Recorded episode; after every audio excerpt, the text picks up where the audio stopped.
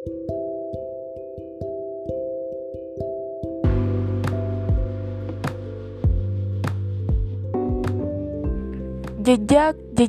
pengubah dunia.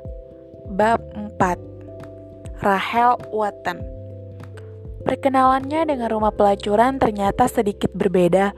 Mantan pacar kekasihnya menelponnya dan menanyakan apakah ia ingin menggantikannya bekerja di rumah pelacuran minggu berikutnya.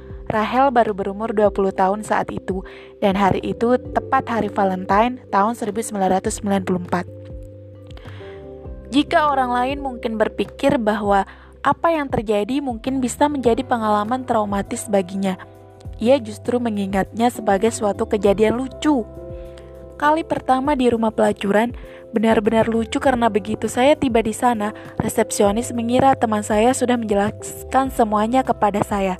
Teman saya justru menyangka si resepsionislah yang akan menjelaskan seluruh detailnya kepada saya.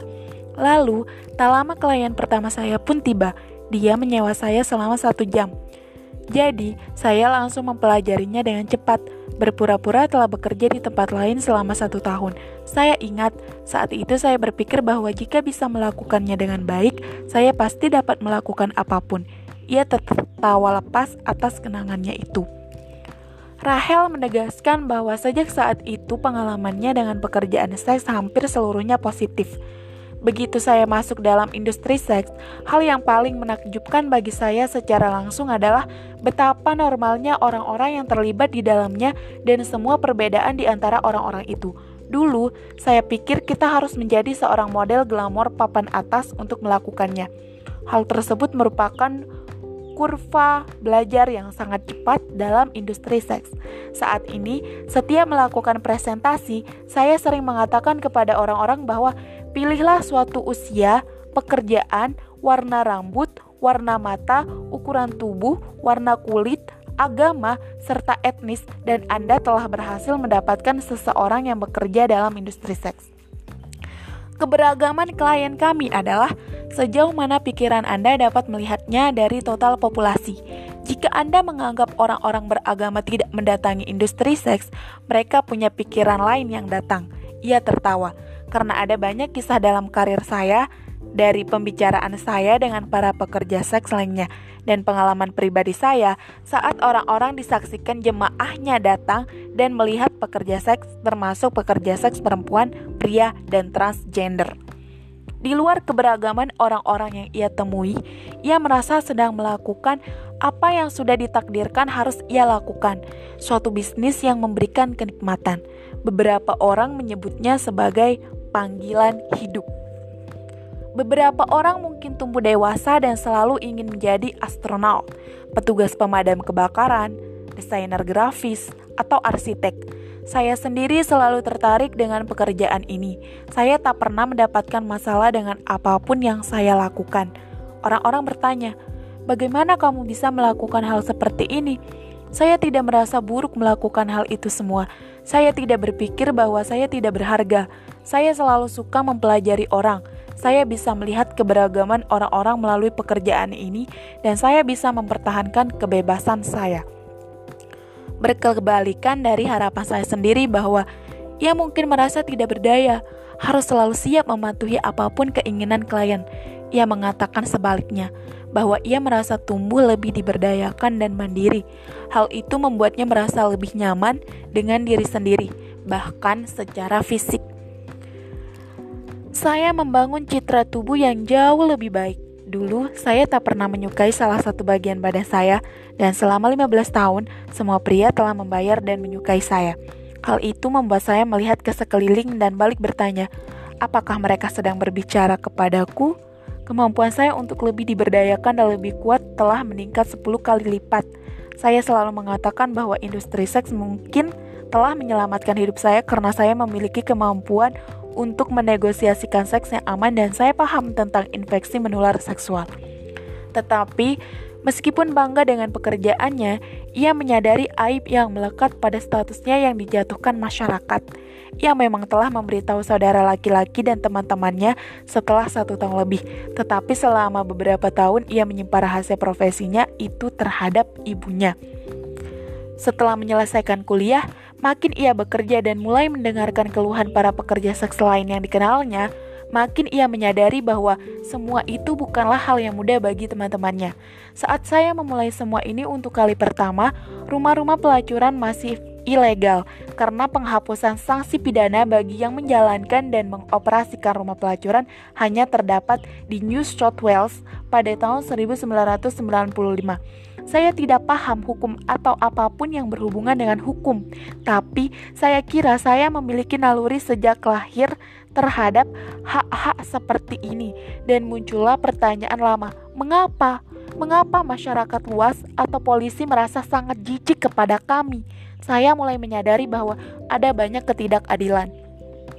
Rahel mendengar tentang konferensi internasional mengenai prostitusi, International Conference on Prostitution atau ICOP yang diselenggarakan pada tahun 1997. Hanya beberapa tahun setelah saya mulai bekerja, ia tertarik dengan gagasan sebuah konferensi tempatnya dapat bertemu banyak orang lain yang bekerja seperti dirinya, orang-orang dari seluruh dunia. Saya berhasil mengikuti konferensi internasional mengenai prostitusi di Los Angeles untuk kali pertama dengan uang tabungan saya dan membiayai sendiri untuk pergi ke sana. Begitu tiba di sana, saya dianggap sebagai bayi pelacur. Sebutan saya dulu, katanya sambil tertawa. Saya termasuk pelacur termuda di sana. Saya tak pernah bergabung dengan begitu banyak pekerja seks yang menyampaikan berbagai pendapat berbeda. Saya beruntung karena ada pekerja penjangkauan dari organisasi pekerja seks di New South Wales, proyek penjangkauan pekerja seks sex workers outreach project atau SWOP akhirnya melindungi saya. Apa yang saya alami benar-benar membuka mata saya. Di konferensi itu, saya bertemu dengan begitu banyak para pekerja seks yang mengagumkan. Banyak di antaranya masih menghubungi saya hingga sekarang. Setelah mendengar tentang berbagai kesulitan yang dialami banyak pekerja seks terhadap masyarakat, Rahel pun tergerak. Dengan mendengarkan keluhan teman-temannya, ia dapat melihat betapa kerasnya profesi yang dijalani beberapa koleganya secara internasional, bahkan di Australia. Ia juga mulai menyadari bahwa seluruh dunia memang mengutuk apa yang dilakukannya, dan seperti yang didengarnya, situasinya memburuk Sekembalinya ke Australia, Rahel memutuskan untuk menjadi relawan SWOP. Ada hal mengerikan yang terjadi di dunia, yaitu reaksi terhadap para pekerja seks. Maksud saya, di beberapa kebudayaan kuno, para pekerja seks justru sangat dihormati pada suatu masa, dan saya yakin hal ini berhubungan dengan agama. Para pekerja seks dipandang rendah setiap orang mengalami banyak diskriminasi dan stigma, sehingga mereka akhirnya menjadi wajah-wajah anonimus. Baik klien dan pekerja seks sama-sama dianggap buruk. Para klien digambarkan sebagai pria tua brengsek yang berbuat cabul pada wanita. Para pekerja seks digambarkan sebagai orang tak berharga yang kecanduan obat. Mereka dipandang bukan sebagai ibu yang baik, bukan teman yang baik, atau pasangan yang tepat, dan semua ini salah. Pekerjaan Rahel dalam dunia seks sekarang ini juga menjadi suatu cara untuk mendanai pekerjaannya menjadi relawan yang berhubungan dengan hak-hak para pekerja seks. Ia mengambil beberapa kursus tambahan. Lalu, dua tahun setelah mulai menjadi relawan WSWOP, ia mendapat pekerjaan pertama dan digaji dalam organisasi ini. Keadaan ini pada gilirannya mendorong keinginannya untuk memberitahu ibunya mengenai apa yang selama ini dilakukannya dengan bangga. Pekerjaan nyata penuh waktu yang kali pertama saya dapatkan adalah pekerjaan di SWOP. Dulu, saya hanya relawan saja. Saya mendapat tugas pertama atau sebagai petugas proyek SWAM, Sex Work and Message, atau pekerjaan seks dan pijat, tempat saya menulis laporan yang didanai unit pencegahan kejahatan dari kantor Jaksa Agung di New South Wales Peluncuran laporan tersebut diadakan pada tahun 2001. Saya ingin memberitahu ibu saya tentang peluncuran ini dan saya ingin beliau ada di sana menyaksikannya. Tapi saya belum tahu pasti bagaimana dan di mana harus mengatakannya. Saya berpikir lama dan keras. Saya tidak ingin mengatakannya saat ibu di rumah. Saya karena jika tersinggung atau marah, ibu tetap harus menyetir mobil pulang ke rumah dalam keadaan seperti itu. Dan saya tidak menginginkannya. Saya tidak ingin menceritakan semua ini kepada ibu di rumah ibu juga. Jadi, saya menceritakan kepadanya di pusat perbelanjaan. Saya pergi berbelanja bersama ibu di pusat perbelanjaan yang terletak di pertengahan jalan antara rumah saya dan rumah ibu saya. Saya berkesempatan menceritakan kepada ibu di pusat makan. Di tengah-tengah hiruk pikuk orang-orang yang sedang menyantap kebab, pai daging, masakan China, dan es krim, Rahel mengungkapkan semua kepada ibunya. Tak hanya tentang profesinya, tapi juga panggilan jiwanya yang ingin membantu sesama. Saya tidak hanya mengatakan, "Nah, sekarang saya adalah seorang pekerja seks. Tapi saya juga menceritakan kepada ibu bahwa saya juga bekerja untuk SWOP.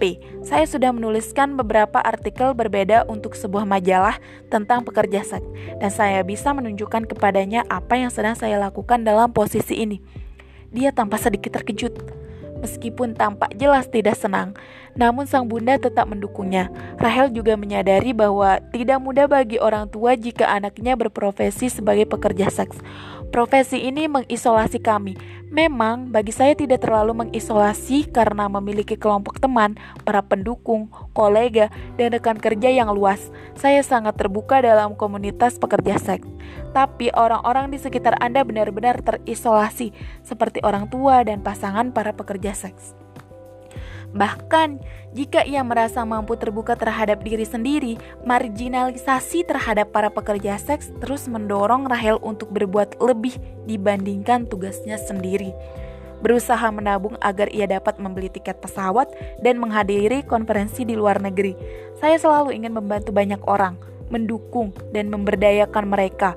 Dengan menjadi seorang pekerja penjangkauan dan menjadi bagian dalam semua ini, saya dapat membantu membagikan pengetahuan yang telah saya pelajari, sekaligus belajar lebih banyak hal lagi untuk memberdayakan orang-orang agar mereka mampu membantu diri sendiri. Ia juga melakukan penjangkauan setempat. Saat saya mengadakan penjangkauan di jalan-jalan, para pekerja seks jalanan merupakan sebagian wanita luar biasa kuat dan diberdayakan yang pernah saya temui. Tapi ada satu waktu saat kami di sana dan saya mendapat telepon yang mengatakan bahwa ada seseorang yang dicekik. Begitu kami tiba di sana, menemukan pria itu di dalam mobil bersama si wanita yang histeris dan marah. Polisi justru berkata, pria itu membayar sebagai pelayanan yang dia minta. Jadi, kata-katanya itu bertentangan dengan kata-kata Anda sendiri. Saya berpikir, bagi seorang pekerja seks yang menangis, khususnya yang bekerja di jalanan, benar-benar menunjukkan bahwa ada masalah yang harus diselesaikan bersama. Tapi polisi tidak bersedia menuliskan pernyataannya, bahkan tidak menghukum pria itu.